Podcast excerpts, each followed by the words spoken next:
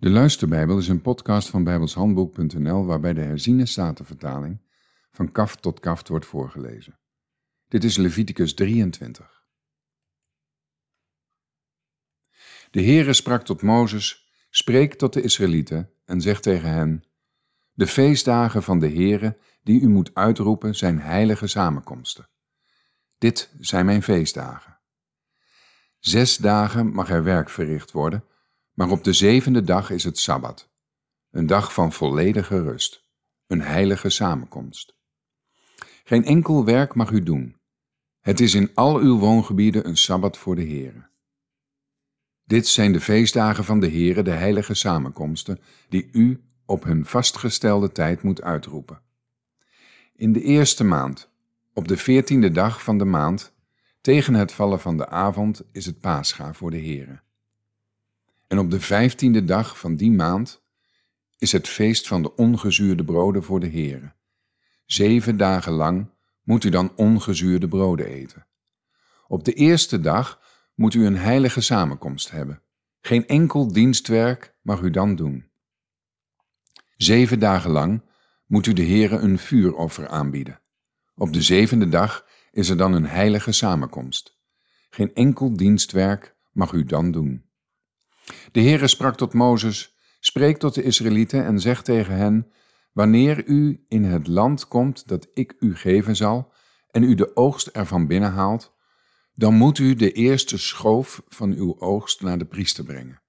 Hij moet de schoof voor het aangezicht van de Heere bewegen, opdat hij een welgevallen in u vindt.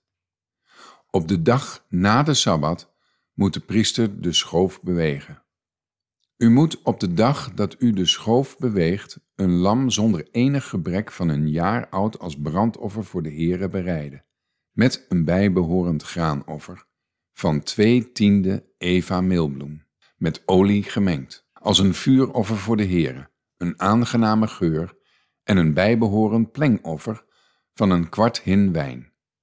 U mag geen brood, geroosterd graan en vers graan eten tot op dezezelfde dag dat u de offergave van uw God gebracht hebt. Het is een eeuwige verordening, al uw generaties door, in al uw woongebieden. U moet dan vanaf de dag na de Sabbat gaan tellen. Vanaf de dag dat u de schoof van het beweegoffer gebracht hebt, zeven volle weken zullen het zijn. Tot de dag na de zevende Sabbat moet u vijftig dagen tellen dan moet u de Heere een nieuw graanoffer aanbieden. Uit uw woongebieden moet u twee broden meebrengen, bestemd voor een beweegoffer. Ze moeten van twee tiende eva meelbloem zijn, met zuurdeeg gebakken. Het zijn de eerstelingen voor de Heere. U moet dan samen met het brood zeven lammeren zonder enig gebrek van een jaar oud en één jong stier, het jong van een rund, en twee rammen aanbieden. Zij zijn een brandoffer voor de Heere, met het bijbehorende graanoffer en de bijbehorende plengoffers, een vuuroffer, een aangename geur voor de Heere. Verder moet u één geitenbok als zondoffer en twee lammeren van een jaar oud als dankoffer bereiden. De priester moet ze met het brood van de eerstelingen als beweegoffer voor het aangezicht van de Heere bewegen, met de twee lammeren. Ze zijn een heilige gave voor de Heere, bestemd voor de priester. U moet op diezelfde dag uitroepen dat u een heilige samenkomst hebt. U mag geen enkel dienstwerk doen. Het is een eeuwige verordening in al uw woongebieden, al uw generaties door. Wanneer u de oogst van het land binnenhaalt, mag u de rand van uw akker bij het binnenhalen van uw oogst niet helemaal afmaaien.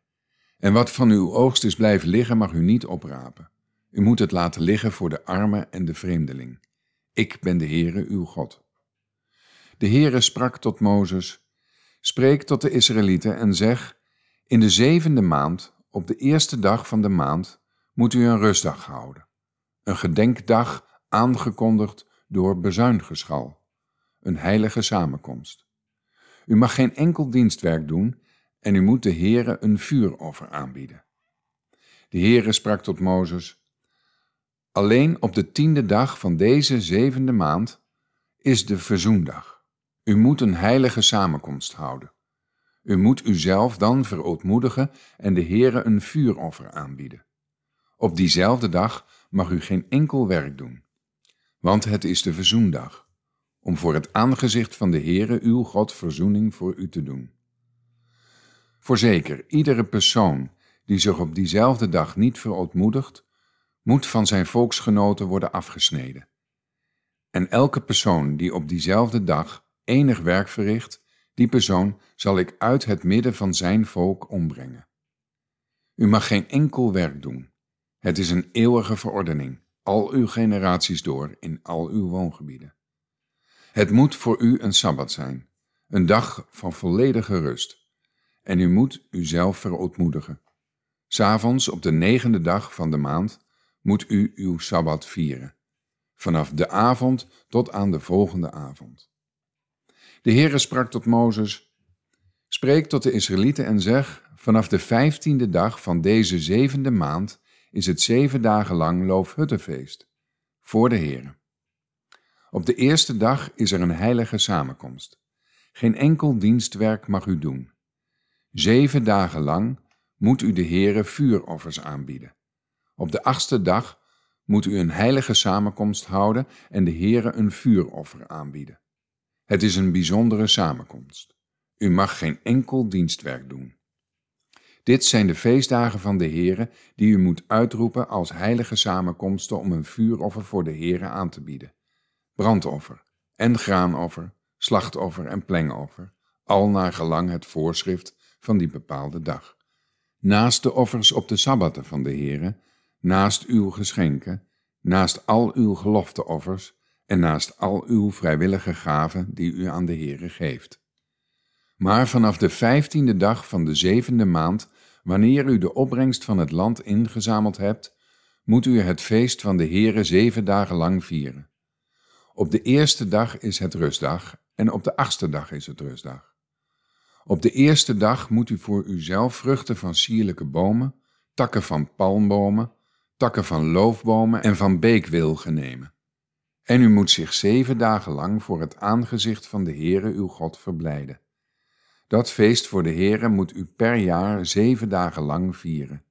Het is een eeuwige verordening al uw generaties door. In de zevende maand moet u het vieren.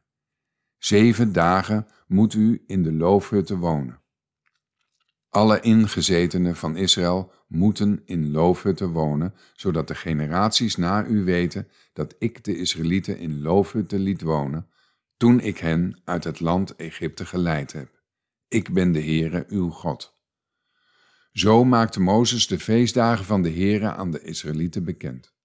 Tot zover.